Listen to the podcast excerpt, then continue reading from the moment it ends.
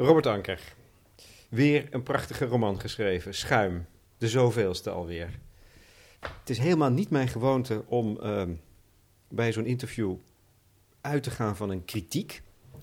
Maar vandaag doe ik het toch wel. Mhm. Een kritiek van Kees het Hart in de Groene Amsterdammer. Ehm, hij, hij oppert namelijk iets heel erg moois. Ik weet niet of je het kent, het Mhm. stuk. Ja, ja. Knalschrijven. Hij Ja, zegt, hij zegt, gaandeweg zie je het besef doordringen, bij Anker, bij jou als schrijver, dat er naar een einde toegeschreven moet worden.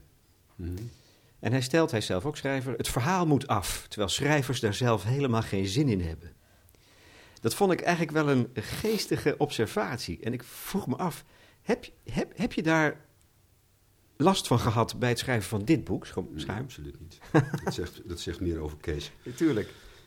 Die eh, schrijft ook heel andere boeken dan ik. Ik heb het gelezen en ik heb me daarmee vermaakt. Maar, en ook nagedacht wat hij nou eigenlijk bedoelde. Eh, hij, hij, hij vraagt ook iets wat helemaal niet kan natuurlijk. Je, je kan niet, bijvoorbeeld in, in dit geval schuim, kan je niet zeggen nou... Op de helft dan is het allemaal wel duidelijk wat er gaat gebeuren, dus dan stop ik ermee. Nou ja, dat is typisch een gedachte-experiment van Kees het Hart. Ja. Maar heb je dat nooit als schrijver? Van, wat vervelend dat een boek af moet. Nee, helemaal niet. Ik weet ook precies wat, nou precies, ik weet in, in grote lijnen wat er gaat gebeuren. En Ja. ik heb bijvoorbeeld, ik heb altijd het slot, voor ik begin, überhaupt. Ja? Soms heb ik het slot al, dan is het nog nauwelijks een boek. Ja, Hajar en Daan bijvoorbeeld, daar moest ik nog eigenlijk alles bijna verzinnen. Allemaal groot, vaag wist ik het wel zo'n beetje. Maar de slotregels, het laatste alinea, zo, hè, Vijf regels? Tien regels? Ve- Nou, tien. En die had ik. En die zijn er ook letterlijk in terechtgekomen. Het is onveranderd. Vind ik zelf altijd redelijk raadselachtig. Ja. Dat je dus eigenlijk nog heel weinig hebt, maar je weet waar het eindigt. Ik heb ook wel eens iets geschreven waarvan ik de titel had en verder nog niks.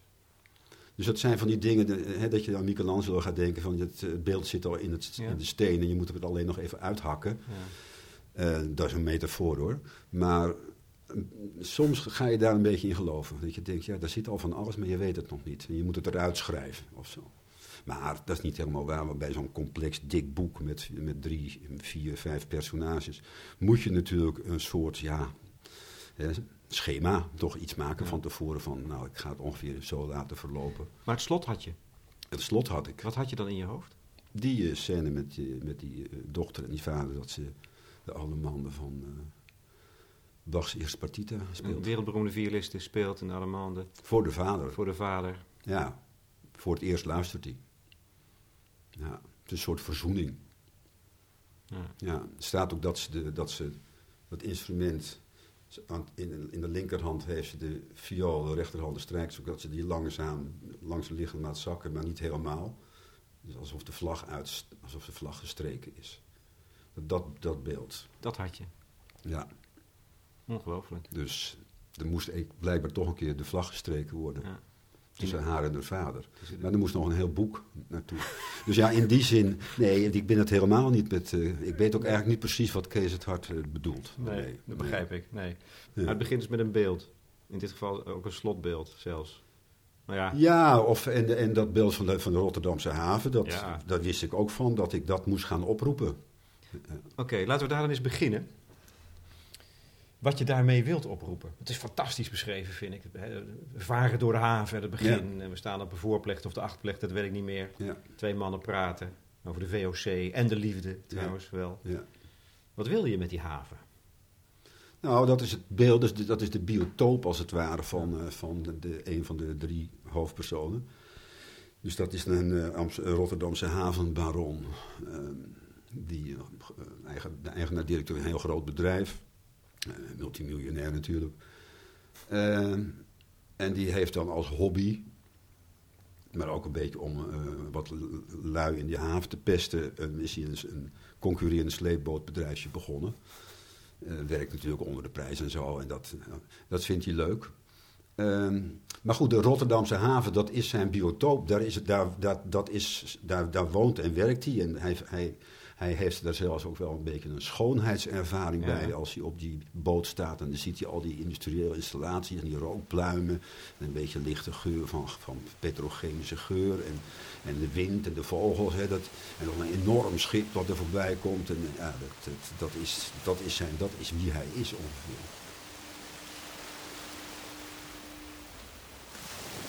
Op een zonnige, maar onstuimige dag in februari trekken de sleepboten Lisette en Dirk een schuimend spoor door het Kallandkanaal in de Rotterdamse haven. Rechts schuift de landtong Rozenburg voorbij. Voor de schepen uit danst de zon op de golfkopjes naar de altijd wijkende horizon. Op het voorbordes van het schip dat de naam van zijn dochter draagt, staat een dienaar van de horizon, als iedere ondernemer, Dirk Wagenaar. Korte, compacte gestalte, windjack, oude spijkerbroek, baseballpet stevig op de dikke grijze krullen geduwd. Het grote havengevoel dat Dirk een kwartiertje geleden ook al overviel, bezorgt hem hier bijna een ervaring van schoonheid.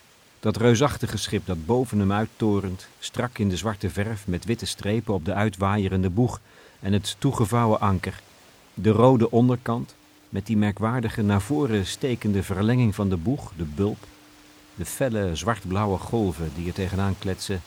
De mannen die met de kalmte van het handwerk de kabel naar de lier voeren. De strak blauwe hemel die alles overkoepelt. Het krijsen van een paar meeuwen. De vlagende wind en de Lisette die desondanks roerloos op de golven ligt. Het onderdekse ronken van de motoren, zelfs de licht petrochemische geur die soms langs zijn neusgaten trekt. Het vervult hem met schoonheid dan maar.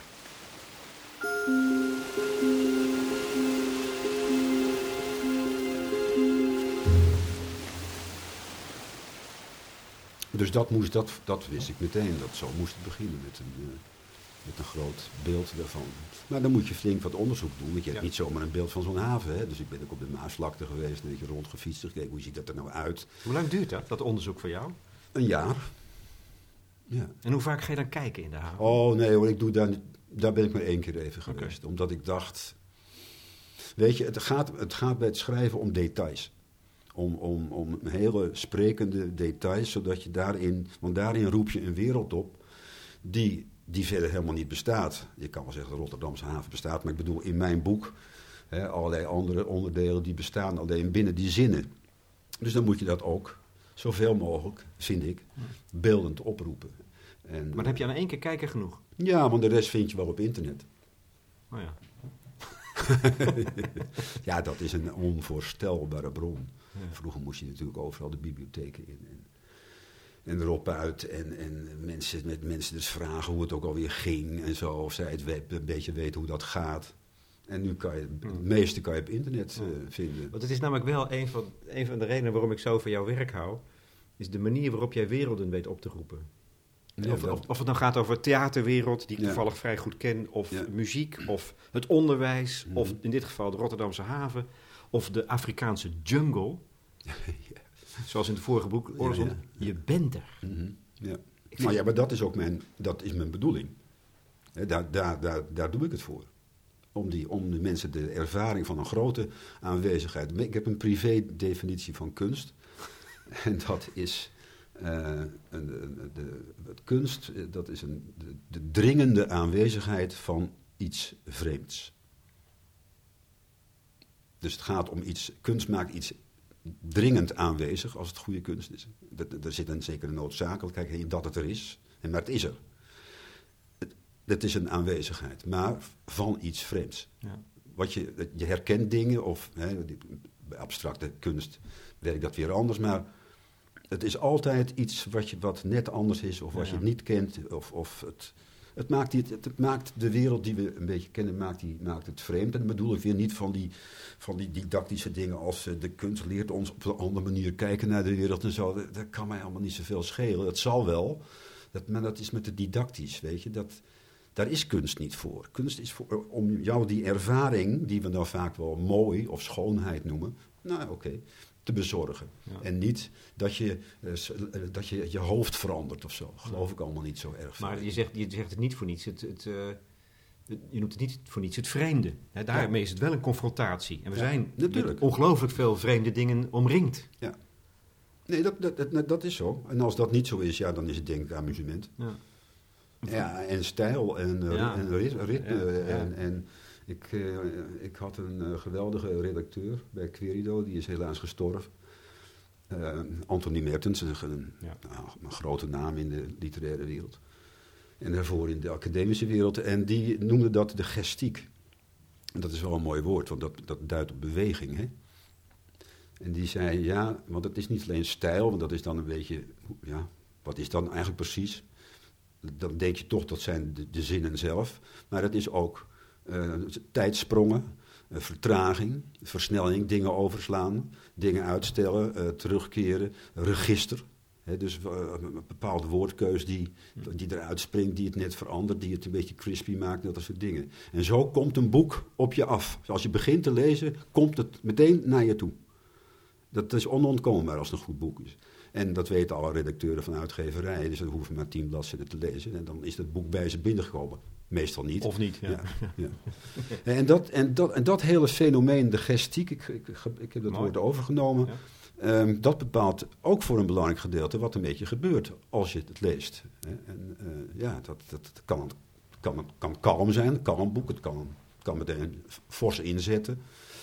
Ja. Dat is allemaal verschillend per schrijver. Er ontstaat langzaam dus zo'n personage, zo'n havenbaron, een Rotterdamse vrije jongen. Wat ontdek je dan in hem? Want dat weet je ook niet van tevoren. Je gaat denken, je schrijft je als het ware naar hem toe. Om te ontdekken wat, dat, wat die wereld is van zo'n man. En ik denk, uiteindelijk ontdek je in hem een vrijheidsdrang. Als misschien wel het meest, Zeker. meest belangrijke principe. Ja, ja, van- ja. En daarmee dus van al, al die grote handelaren. Ja, ja. Is dat het? Eh, voor mij, ja, dat is wel mooi dat je dat zegt, dat, het- dat het blijkbaar zo overkomt. Voor, want toen ik, eh, ik had eh, al praktiserend over een nieuw boek, had ik eh, nou, de Rotterdamse haven en zo'n zo'n havenbaron. Maar toen dacht ik, nee hè, Eh, dan, dan hebben we weer zo'n man die in het werk van Anker zo vaak bent tegengekomen. Dat is een beetje harde, moreel niet altijd helemaal koosere man, die misschien een beetje slecht soms is, maar die, die zichzelf in de wereld moet zetten. Waarom? Ja, nou, daar kan je naar gissen. Omdat hij anders misschien eh, het niet redt of zo. Dus het is, er zit ook een, een, een zwakke kant aan. Het zijn, het zijn mannen die, die, die anders niet kunnen functioneren. Die moeten zichzelf zich recht opzetten. zich en staande overeind houden in de houden. wereld. Ja, Ja, precies. exact. Ja. En ja, het leek mij, dat, dat, dit, werd, dit werd dan weer zo'n man. Dus ik denk, ja... Dus ik heb een tijdje dat weer weggelegd. Maar het bleef toch weer opdoemen, want het is toch iets wat bij mij hoort blijkbaar. Eh, Ik, ik, die mannen komen ergens bij mij vandaan. En waar dat nou, hoe dat nou weer psychologisch zit, ach, dat... eh, Je hebt er dat geen enkele behoefte aan om daar Nee, dat- je dat kan af te... Kijk, Nee. ik kan vragen, ben jij zo'n man? Maar dan zeg je natuurlijk van nee. Nou, dat zal wel iets van, het zal wel iets met mijn eigen biografie te maken hebben, maar dat vind ik, nog, vind ik eigenlijk nooit zo erg interessant. nee. En bovendien, eh, je moet nooit zo erg veel van dat soort dingen afweten. Je moet niet precies weten waar het vandaan komt. Maar goed, dus, dus daar moest dan wat mee. En toen dook het, ja, toch een heel ander type op, die violisten.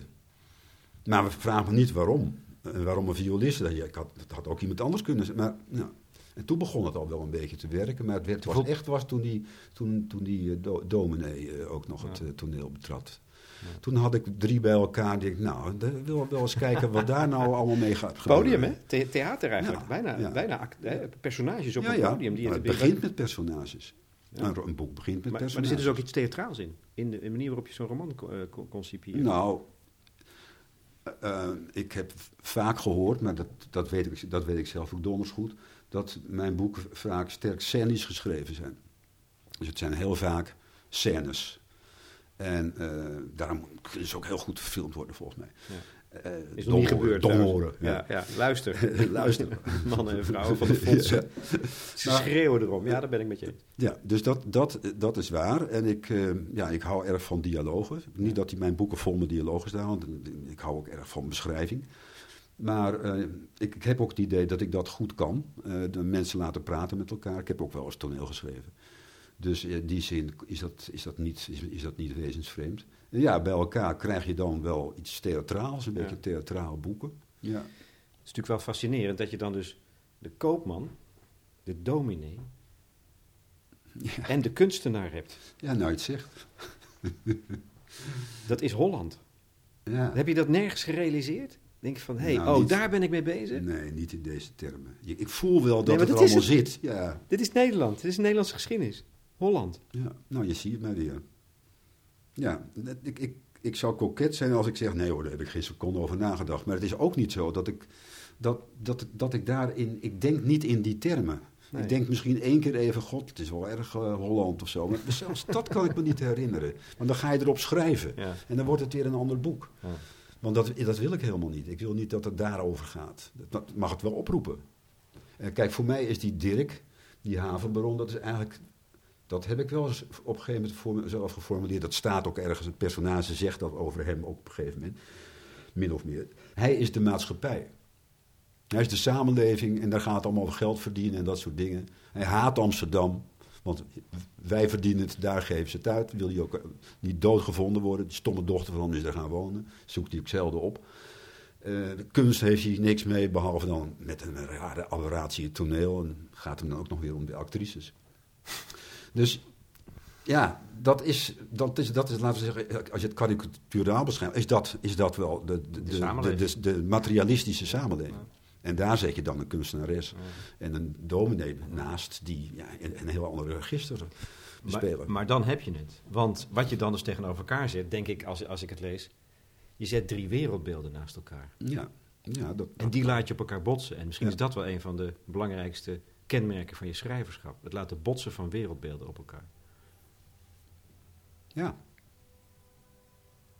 Ja, ook weer het woord wereldbeeld, dat, eh, dat komt bij mij nooit eh, eh, op. Maar ja, zulke dingen gebeuren natuurlijk wel. Ik zit even te denken. Ja, ja, Hajar en Daan natuurlijk. En zo'n slome leraar en een ambitieus moslimmeisje. Die nog wat wil met het leven. Ja, ja, ja. Oh ja, leuk. Nee, ik zie weer even wat zij doet. Hè. Dat is deze slome duikelaar. Die, die moet wat van zijn leven maken omdat hij anders haar kwijt is. Een moslimmeisje leert, leert hem. Typische doorgeslagen westeling hoe het allemaal moet. Ja. ja, nee, dat is waar. Ja.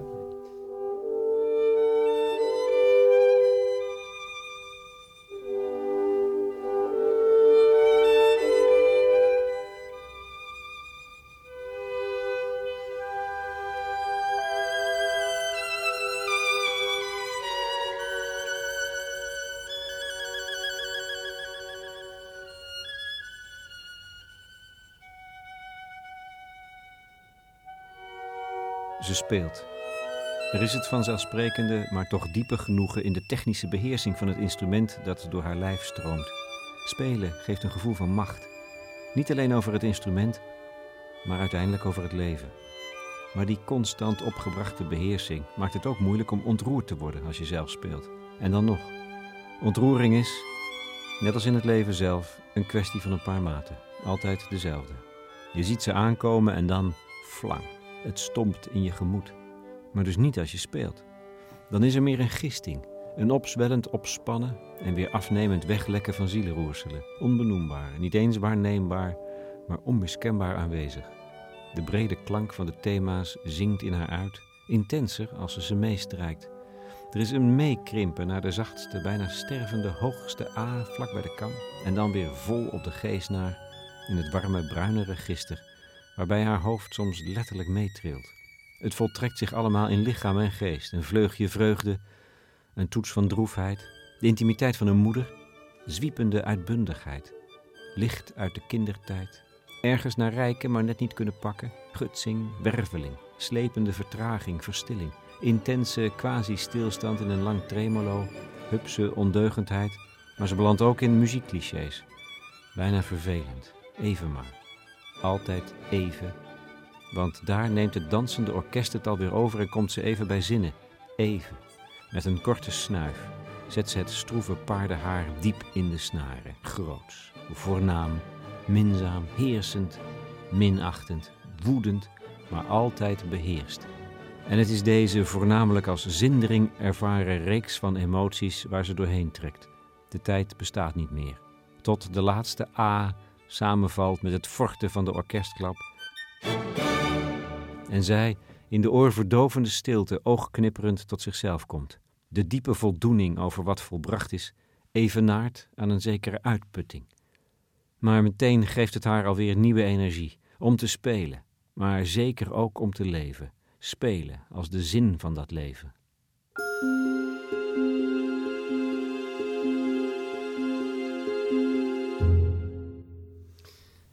Kunt je natuurlijk afvragen, wat is dan het drama precies tussen de vader en de dochter, de havenbaron en de wereldberoemde violiste? Want Mhm. ik denk, eh, die havenbaron zoekt naar vrijheid. Mhm. Waar zoekt de violiste naar? Eigenlijk zeg je over haar, eh, muziek neemt haar uit zichzelf weg. Ja, dat Mhm. is ook vrijheid. Volgens mij is dat het fascinerende als je die personages doorlicht, Mhm. gedreven door dezelfde verlangens. Maar ze kunnen elkaar niet vinden. Nee. Waarom niet? Hoe komt dat? Ja. Ja, er zijn eenvoudige antwoorden op natuurlijk. De, de materie versus kunst, hè, dan, eh, dat, eh, dat, zal, dat, be- dat bereikt elkaar. Dus die, die, die, die, die havenbaron, die snapt daar helemaal niks van. Ook, ook niet, nu ze een miljoen per jaar verdient. Ja, dat vindt hij allemaal onbelangrijk. Terwijl hij zelf geld ook, ja, ook niet echt belangrijk vindt, maar hij koopt er zijn vrijheid mee, zegt hij. En dat is dan 80 uur per week werken, maar dat vindt hij vrijheid. Ja. Kan je ook weer overdenken, wat is dan daar vrijheid? En bij haar is het, ja, dat weet ik, dat weet ze zelf ook niet precies wat het voor haar betekent, hè, de muziek. Daar, denkt ze wel over na, zeker als ze een tijdje uitgeschakeld is.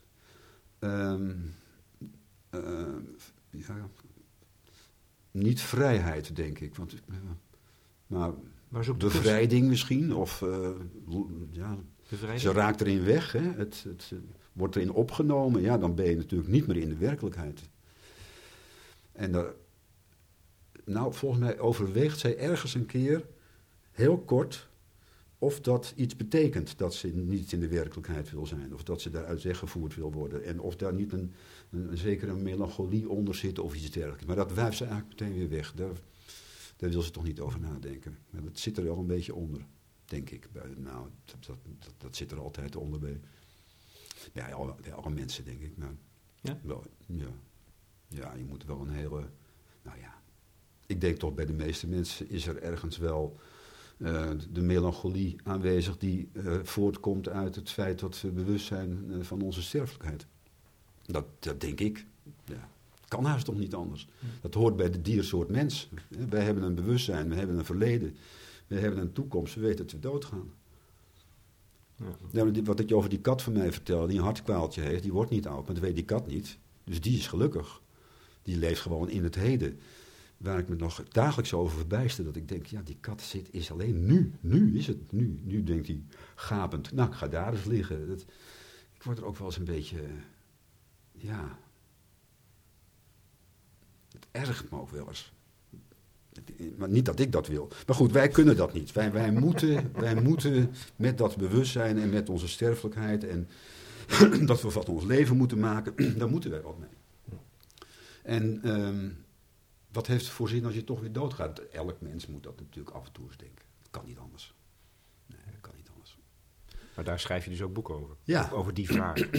Ja, dat is wel een belangrijke drijfveer ergens onderin, denk ik. Ja, onder de, onder de, de, nou, ik denk, Reven heeft wel eens gezegd dat, eh, dat eh, schrijven, dat elk schrijven, dat schrijven tegen de dood. Ik denk dat eigenlijk ook, dat alle kunst tegen de dood is. Maar dan maak je het wel heel groot. Maar ik denk het wel, ja. En wat moeten we er dan mee? Meneer, Ja. An- meneer Anker. Met de dood? Ja, met dat besef. Ja, daar, heb je, daar kan je dus niks mee, behalve dat je het hebt. En eh, nou ja, daar kan je, dat, dat kan op. Kijk, daar, daar zijn natuurlijk vele eh, mogelijke oplossingen voor. De godsdienst is er. Wat is het voor jou? Ik ben meer van Heidegger, eh zijn zum tode. Oftewel, je weet dat het zijn, het, het, bij hem nog wel wat meer dan, dan het leven zelf, eh, dat dat eh, eindig is en dat je je dat eh, als een soort taak op je moet nemen. En wat bedoel je daarmee? Ehm, nou, als je, als je daar nooit bij stilstaat, er gewoon maar een beetje voort, Ja. voort leeft in, je- in je werk, in je dingen, daarin opgaat. En, en dan rol je op een gegeven moment, sta je aan de rand van het graf. En dan denk je waarschijnlijk ineens, hoe ben ik hier in godsnaam terechtgekomen? En dat noemt Heidegger creperen. Een dier crepeert, een mens sterft. Een dier kan niet sterven, want die weet niet wat het is. Nou ja, dat is Heidegger. Maar uh, er zit wel wat moois in. Hè? Dat je dus de, je sterfelijkheid opneemt als een, als, een, als een opdracht om daarmee op een of andere manier uh, vorm aan te geven, door, door je, je leven zinvol te maken. Uh, ieder op zijn eigen manier. En, en er ook op een, op een of andere manier ooit enige vrede mee te krijgen. Dat dat zo is. Ben jij al zover? Nee. nee. Nee? Nee, nee. Gaat nee, het ik, heb nog, een- ik, heb nog, ik heb nogal wat poëzie geschreven de afgelopen tijd. En eh, daar zit heel veel eh, woede Ja. over mijn sterfelijkheid in. hè. Do not go gentle into that good night. hè. Rage, rage against the dying of the light. Dylan Thomas, weet je nog? Ja. En één zo'n gedicht dat heet Nee. Nee, wij gaan geen gedichten over elkaar schrijven als we de dood zijn. Maar nou ja, goed, boos gedicht. Er wordt ook in gevloekt. Nee, ik ben nog, ik ben nog niet zo ver. Nee, nee. nee. Maar dat is wel een bron, denk ik, waar veel kunst uit voortkomt. Ja. Er zijn ook andere bronnen, ongetwijfeld. Maar Ja. er zijn ook andere dingen om je kwaad over te maken. Maar wat er dan gebeurt is in schuim, is dat je het wereldbeeld van die havenbaron, zonder Heidegger zou je kunnen zeggen, naast dat van de dominee zet, die Ja, twijfelt aan God, Die Heidegger leest. die Heidegger leest, maar, maar God kwijt is. Ja. Naast de kunstenaar, Ja, die eh, waanzinnig mooi speelt. ja, En, en, en ze worden daardoor alle drie relatief. Maar ook de kunstenaar. ja. Doordat je het laat botsen op die andere wereldbeelden, wordt haar wereldbeeld net zo relatief als dat van die havenbaron die 80 uur per week werkt en daarmee zijn vrijheid koopt. Dus ook kunst en kunst maken. Maar hoe zie je dat dan eh, in dat boek gebeuren? Dat, dat, dat, dat kunst gerelativeerd wordt? Ja. Nou, doordat het als een maar, ook maar een wereldbeeld Hm. is. Ja. En er zit geen commentaar voor jou in van dat is mooier, haar Nee. weg. Mm, Nee. Zij behelpt zich ook, Ja, toch? ja. Of zie je dat niet zo? Nou ja, ik... ik of, ik- zit hier een apologie van de kunstenaar in? Nou, dat van de zou best eens kunnen zijn dat het niet zo is. Ehm, ja, dat, je, je vraag, eh, dat is niet je eerste vraag die mij verbaast. Eh, kijk, ik zelf vind natuurlijk dat de kunst, als er al enige vervulling mogelijk is, dan, moet je dan, dan is het voor mij daar, persoonlijk. Mijn, de zin van mijn bestaan hangt van de kunst af. En dan ook nog eens van wat ik zelf maak. Maar ik denk inderdaad dat het niet zo is dat dat nou een standpunt is wat, eh, wat de, eh, eh, via Lisette ver- verdedigd wordt. Dus dan zou het wel eens kunnen zijn dat je gelijk hebt. Zo leer ik nog eens wat. Dat ook, ook de kunst, ja goed, ze stort neer tenslotte, hè? helemaal in het begin. Ze is eh, een half jaar uitgeschakeld en ze vraagt zich af, ja, komt dat ooit terug en wat moet ik dan? Het is schuim. Nou, bijvoorbeeld zo'n passage. Zit ze in bad? Ja, Ja. misschien moet je het lezen, maar ja, ja, ja. even laten horen, toch? ja dat wat, je wil, wat je wil. Ja? ja, graag. Want dat is nou... Even kijken hoor. Dan is ze weliswaar burn-out. Ja. En dan zit ze in bad... Even kijken. Kun jij het vinden? Nou, ik weet... 113. Oh, daar. Oh, ja. Ja? En nu ligt ze dan in bad, bedekt met een laag schuim. Ineens herinnert ze zich een gedachte. Muziek is als schuim. Je kunt er bellen van blazen. En pats, dan zijn ze alweer weg. Wanneer dacht ze dat? Of heeft ze het een keer gehoord? En wat wil het eigenlijk zeggen?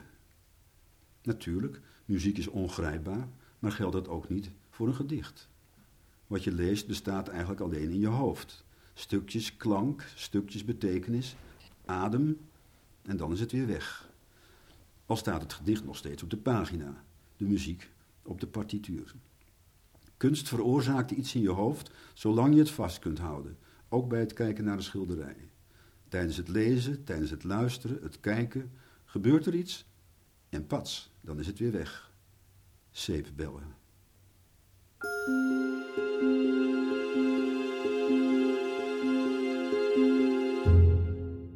Achterop staat een citaat van Janine Jansen. Ja. Uit een interview ken ik met de Volkskrant. Lijden is een heel directe emotie. Er zitten meer lagen in dan, dan in vreugde. Meer waarheid ook misschien.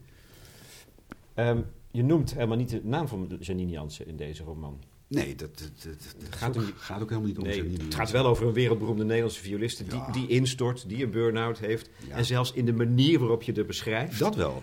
Ja, zoals zij je, speelt. ziet, je ziet er spelen, Ja. staan. Ja. Ja, nee, dat is, was regelrecht Janine Jansen. Ja. Ja. Maar dat is, dat is ook het enige, want ik ken die vrouw niet. En eh, ik kan niet in haar ziel kijken. Haar vader is geen havenbaron, maar is organist, geloof ik.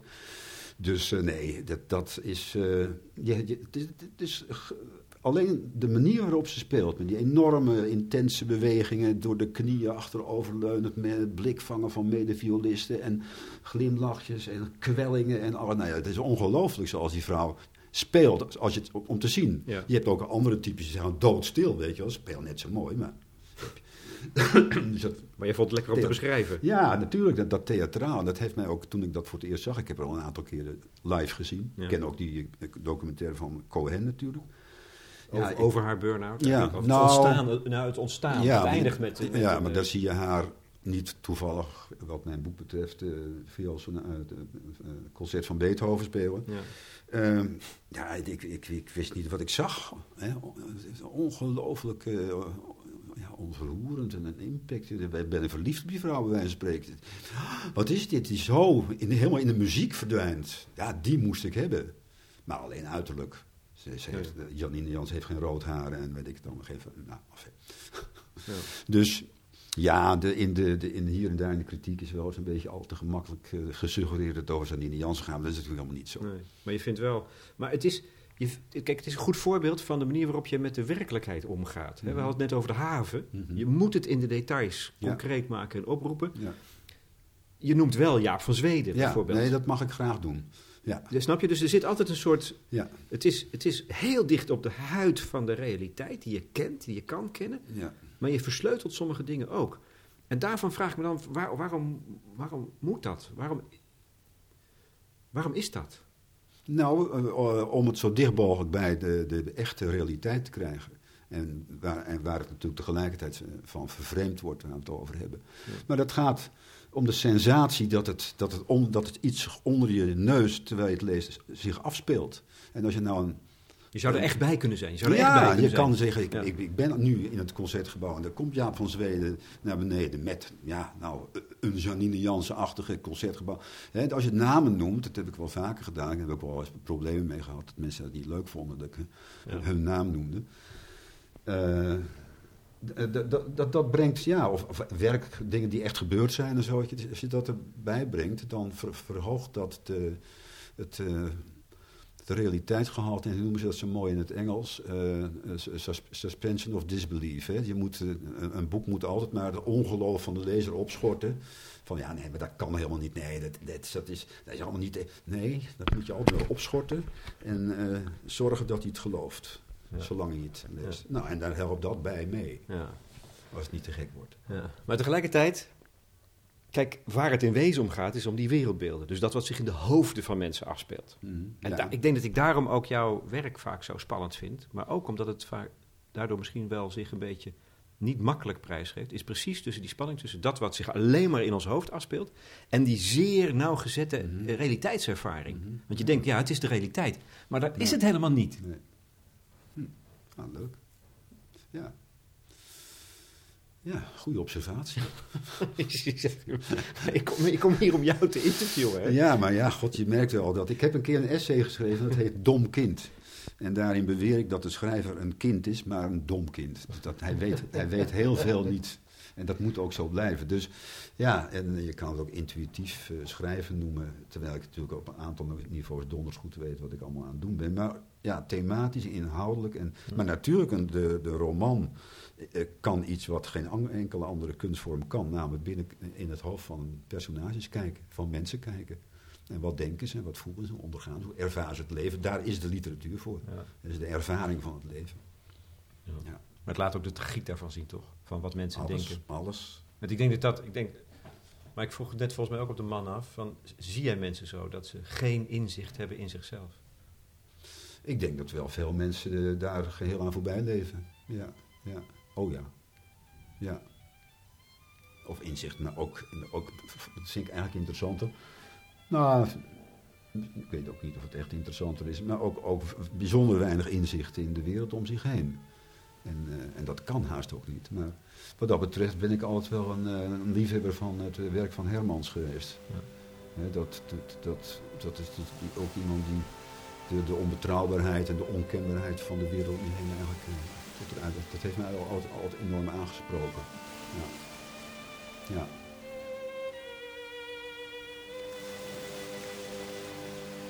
Er is het idee dat de oermens ontstond toen hij ermee begon rituelen uit te voeren, dansen, zingen, dagenlang. Op den duur volgens vaste patronen. Waarom ze dat gingen doen, ja, daar zijn ook theorieën over, maar dat laat ik nu maar even zitten. Wat er nu gebeurde is dat al die afzonderlijke bijna mensen door dat ritueel het idee kregen dat er iets ontstond dat hen verbond, iets gemeenschappelijks. En omdat ze natuurlijk nog nauwelijks een eigen psyche hadden, waarin ze die ervaring konden opslaan, ontstond het gevoel dat dat gemeenschappelijke iets was wat van buiten kwam. Begrijp je? Ja. Nou, misschien. Nou ja, dat gemeenschappelijke, dat onbenoembare, dat wat buiten iedereen leek te bestaan, werd in de loop der tijd het hogere. En nog weer later, kort door de bocht, het goddelijke. En nu denk ik dat als mensen het gevoel hebben dat er meer is dan wat ze dagelijks meemaken, dat dat dan in wezen dat oergemeenschappelijke is. Een soort verbond dat we met elkaar hebben. En ik denk dat dat eigenlijk hetzelfde is als het verbond, het testament dat we met God hebben. Religie komt van religare en dat betekent verbinden, eigenlijk herverbinden. Ik denk dat we in een kerkdienst dat verbond, dat gemeenschappelijke vieren met zingen en mooie verhalen over Jezus. Het koninkrijk der hemelen, God de Vader die onze noden kent en onze tranen afwist, enzovoort dat troost ons. Dat geeft ons het gevoel dat we niet alleen zijn. En misschien dat we door dat alles ook onze sterfelijkheid een beetje kunnen leren accepteren.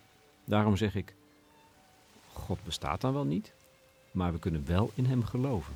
Begrijp je? Filosofen hebben zich in alle tijden gebogen over de vraag of er voor het menselijk bestaan een grond is. Eeuwenlang was God natuurlijk het fundament van ons menselijk bouwwerk. Minstens sinds Nietzsche is het bestaan grondeloos geworden. Maar ik denk dat er wel een grond is. Dat is dat oergemeenschappelijke dat ons ooit tot mens heeft gemaakt. Alleen is het zo dat dat volkomen uit het zicht is geraakt in deze hyperindividualistische tijd waarin we diep in ons hart doodongelukkig zijn, in ons lege hart. Daarom consumeren en amuseren we ons kapot om die leegte te vullen.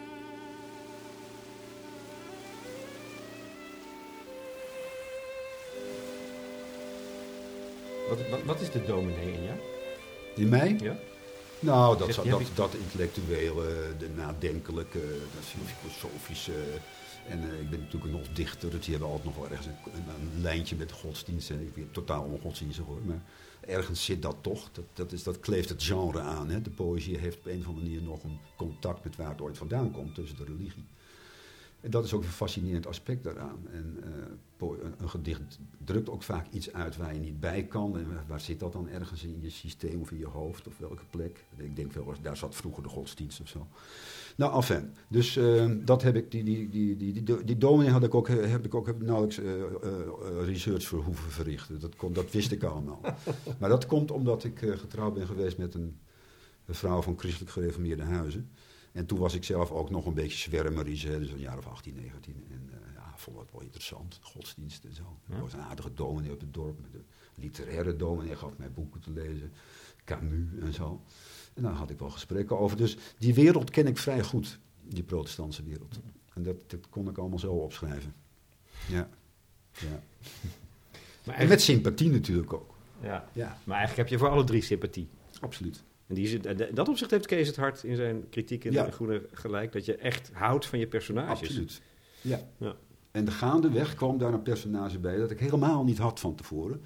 En dat is die Sophie, de vrouw van de, van de dominee. Die een steeds onder mijn pen, eh, nou uh, toetsenbord, een steeds interessanter uh, rol kreeg te spelen. Vond ik zelf. Van, van die Sophie ben ik ook erg gaan houden. Al zeggen sommigen, nou het is ook wel een beetje een hoe noem je dat, een zeeloot of weet ik het. Maar dat vind ik helemaal niet. Dat vind ik een hele zuivere vrouw die te midden van al dat getwijfel en gedoe en, en gedonder uh, uh, ja, heel, heel mooi overeind blijft. Door haar man, uh, die, die, die, wil haar verlaten, die gaat, gaat met een ander. En daar brengt ze een enorme ja, christelijke moet je dan denk ik zeggen in haar geval, want ze is ook dominee, eh, wijsheid. En verzoening en vergeving en zo. Ja. Mooi vind ik dat, Ja. dat iemand dat kan. Ja. Ja, vond ik een ontroerende vrouw. Kijk. Dus volg haar spoor dan. Terwijl die andere vrouw, de vrouw van Dirk, Loes, een leven in gedresseerde zinloosheid leidt. Goeie zin, hè? Ja. ja, hele Ja. goede zin. Nou kijk, daar ben ik nou dol op, hè? op dat soort zinnetjes, als je die vindt. Ja, Ja. ja geweldig. Ja. Sorry dat ik het zelf zeg, maar Nee, ik, ik heb nou zo weer hoor. En even later zeg je iemand over haar, iemand die zichzelf terughoudt en toch gevonden wil worden. Ja, En die vind ik net zo raak hoor. Ja. Want volgens mij is dat wat bijna iedereen doet. En ook de schrijver. ja, ja, ja. Ja, Terughouden, niet, jezelf niet, je wil gevonden worden, maar tegelijkertijd ja. Ja. hou je jezelf af. Of hou je jezelf onbekend. Is dat ook wat een goede schrijver doet? Ja, maar het heeft ook te maken met angst voor sentimentaliteit en zo. Dat, was, dat loerde in dit boek, dit boek nogal. Ja? ja. Waar zit hem dat dan? Nou, het, het gaat toch over grote ge- ge- gevoelens en, en, en, en er gebeuren zeer hevige dingen. Hè, tot Grote gevoelens. zelfmoord aan toe, Ja. dus er is nogal wat. En grote gevoelens zijn dan? Liefde, in allerlei soorten. Want het gaat ook belangrijk, het essayeert een beetje over allerlei soorten liefde. Hè? Wat is het verschil tussen verliefdheid en seks? Zit dat bij elkaar of is het iets anders? Of komt het na elkaar? En eh, dat, dat wordt nogal eh, geproblematiseerd in, in een aantal personages. Hè? Die Dirk is, is eh, hopeloos verliefd op een actrice. En eh, uiteindelijk komt hij erachter dat, gewoon, dat het gewoon, hij wilde gewoon met haar naar bed. En meer was het eigenlijk niet. Nou, dat is nogal wat. Dus je bent enorm verliefd, en uiteindelijk is het dat. Hè? Hoe zit dat? Nou, mag de lezer over nadenken. En dat geldt voor de, voor de, voor de, de Lisette, de violiste, geldt dat eigenlijk ook. Dat ze, dat ze ja, ja, bijna seksueel geobsedeerd is door de, door het, eh, de, de, de liefde met, met, met, met Dirk, of de Niels, die dominee. Maar dan gebeurt er, gebeurt er iets dat, eh, wat met die vader te maken heeft. En dan wordt alles doorkruist. En dan, ja, dan is die hele seksuele spanning ook ineens weg. En dan weet ze eigenlijk niet meer of, of ze nou wel wat verder met die Niels wil. En daar twijfelt ze altijd wel een beetje aan. Dus hoe zitten die dingen allemaal bij elkaar? En wat is nou, wat is dan echte liefde? Nou, dan denk ik dat je bij die Sofie uitkomt. Hè. Dat is, Want, dat is, want het bestaat dus wel degelijk, echte liefde. nou, natuurlijk. Moet wel, toch? Ja. Nou, weet je, eh dat denk je wel, ja. Je denkt er wel eens over na. Mensen die heel lang bij elkaar zijn, hè, 30 jaar getrouwd of zo, langer nog. Eh, ja, daar fantaseer ik wel eens over. Van wat, wat, wat is het dan nog? Hè? Want de, de grote hevige verliefdheid, die gaat nu eenmaal onherroepelijk op den duur voorbij. Behalve bij Leo Vrooman. Maar Nou ja, dat was misschien de grootste uitzondering. Ehm, dus dat, dat is iets wat, eh, wat, wat we allemaal wel weten. Dat dat niet beklijft. En dan, ja, maar dan gaat het in, in liefde over wat er dan over is liefde. Eh, en dat vraagt me wel eens af. Wat is dat dan? Hoe, hoe ervaren mensen dat? En dan zie je mensen van de jaren 60... eh, die zie je nog stevig over straat hand in hand lopen en zo. Dan denk ik, nou ja, dat, dat, die mensen horen bij elkaar. Hè? Dat, moet, dat moet liefde zijn. Dus die moeten iets ervaren. Terwijl is, misschien is het alleen maar vertrouwdheid of, of eh, prettig bij elkaar zijn en zo.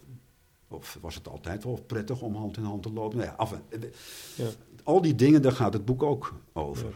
dat probeer je uit te vinden, als het ware. Ja, dat, ik, ik leg het neer bij de lezer. eh, In, de, in verhaalvorm. Jouw vragen. ja, dat zijn mijn vragen. Ja. Maar je komt toch door te schrijven en door... Want, want eh, je had, we hadden het in het begin over dat zo'n verhaal zich als het ware is er al. Hmm. Maar je, moet het zoals. Michelangelo zijn slavenbeeld uit het rots hakt... moet je het als het ware vrijmaken. Dus Mhm. het ligt er kennelijk al. Dus dan ontdek je toch ook iets. Dan ontdek je toch over die facetten van liefde. ja, dingen bij het schrijven. jawel, maar En niet... En, dan is de vraag, wat is, dan, wat is dan wat je ontdekt? Nou, dat het, dat het eh, zo gecompliceerd in elkaar zit. En dat ik het niet weet. Maar dat het allemaal verschillende facetten zijn die dwars Ja. door elkaar heen lopen... Ja. en waar je vaak helemaal geen inzicht in hebt Nee. zelf. En dat, laat je, en dat laat het boek toch voor een belangrijk gedeelte zien. Ja.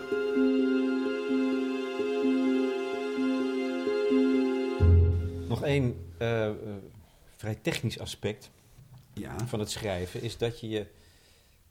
Je roept die personages op, bijna zoals op het toneel. Ehm, en dan zijn ze van zichzelf. Maar je bent er ook aanwezig als, als schrijver. Hè, de schrijvende instantie, dat mag je Mhm. dan niet Robert Anker noemen, maar in het Mhm. boek is dat een schrijvende, een soort verteller. Ja, Die is er ook. is er wel, ja. Maar heel soms, waarom heb je die nodig?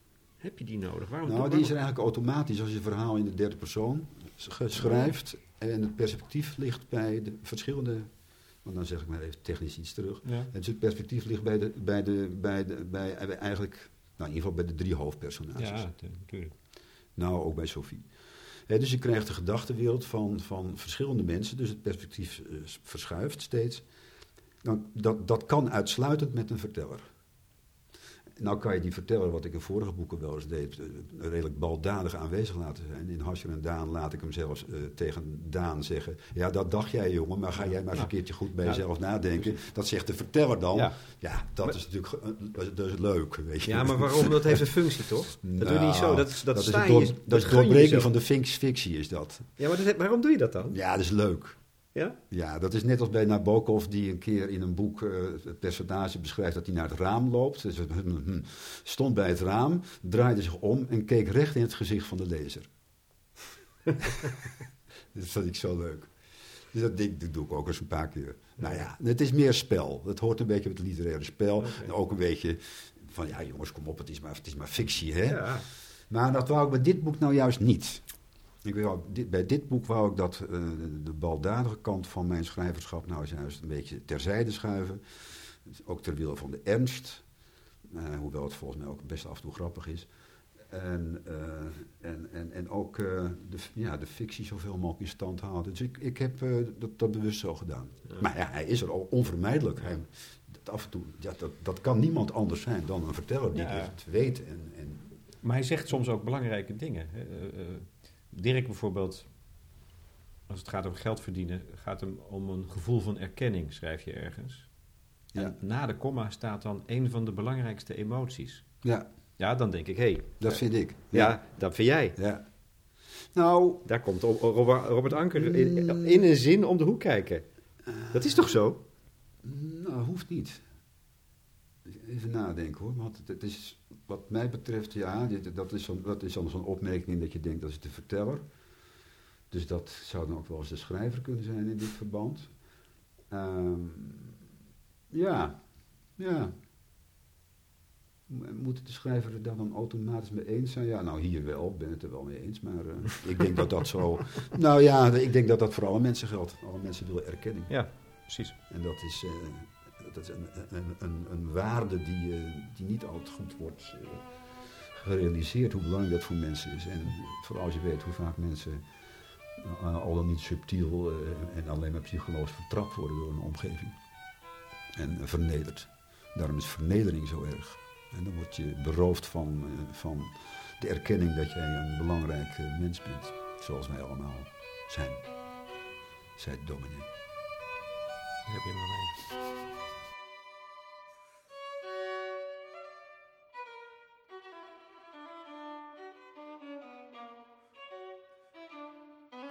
Dirk rijdt met zijn kleinzoon Basje op schoot de woonkamer binnen.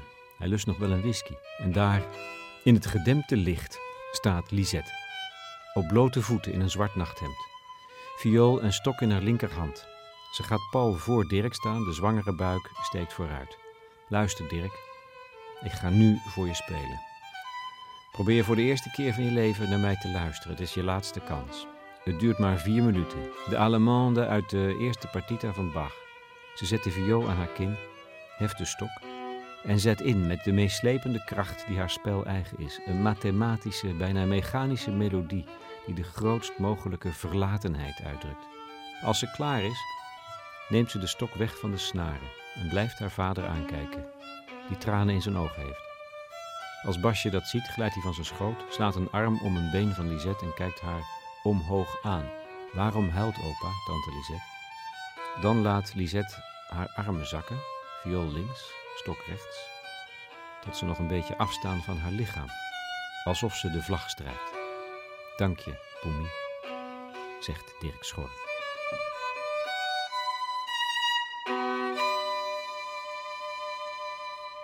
Mooi. Een boek dus over de liefde, blijkt. Schuim. De liefde die in het begin met het water wordt vergeleken. Dat is wel heel vroeg. Dat is eigenlijk, met terugwerkende kracht is dat wel mooi. Het is pagina 3. Het water. Altijd onbetrouwbaar. Het brengt je overal naartoe. Maar het jaagt je net zo lief naar de kelder. Het draagt je en verzuipt je. Ja. Net de liefde. Oh ja, staat dat er? Ja, Oh, hier. wat goed. ja hier. Dat wist ik niet meer. Je wist het Oh, op pagina 3 al. Ja. Oké. Ja, nou goed zeg, dat klopt, ja. Ja, draag je en verzuipt je.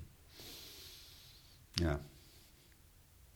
Ja, je bent toch minder dom dan je, dan je voorneemt te zijn als je zo'n boek schrijft. er zit allerlei intelligentie in je, hè? Ja, Je weet veel meer. ja dat is ook wel zo.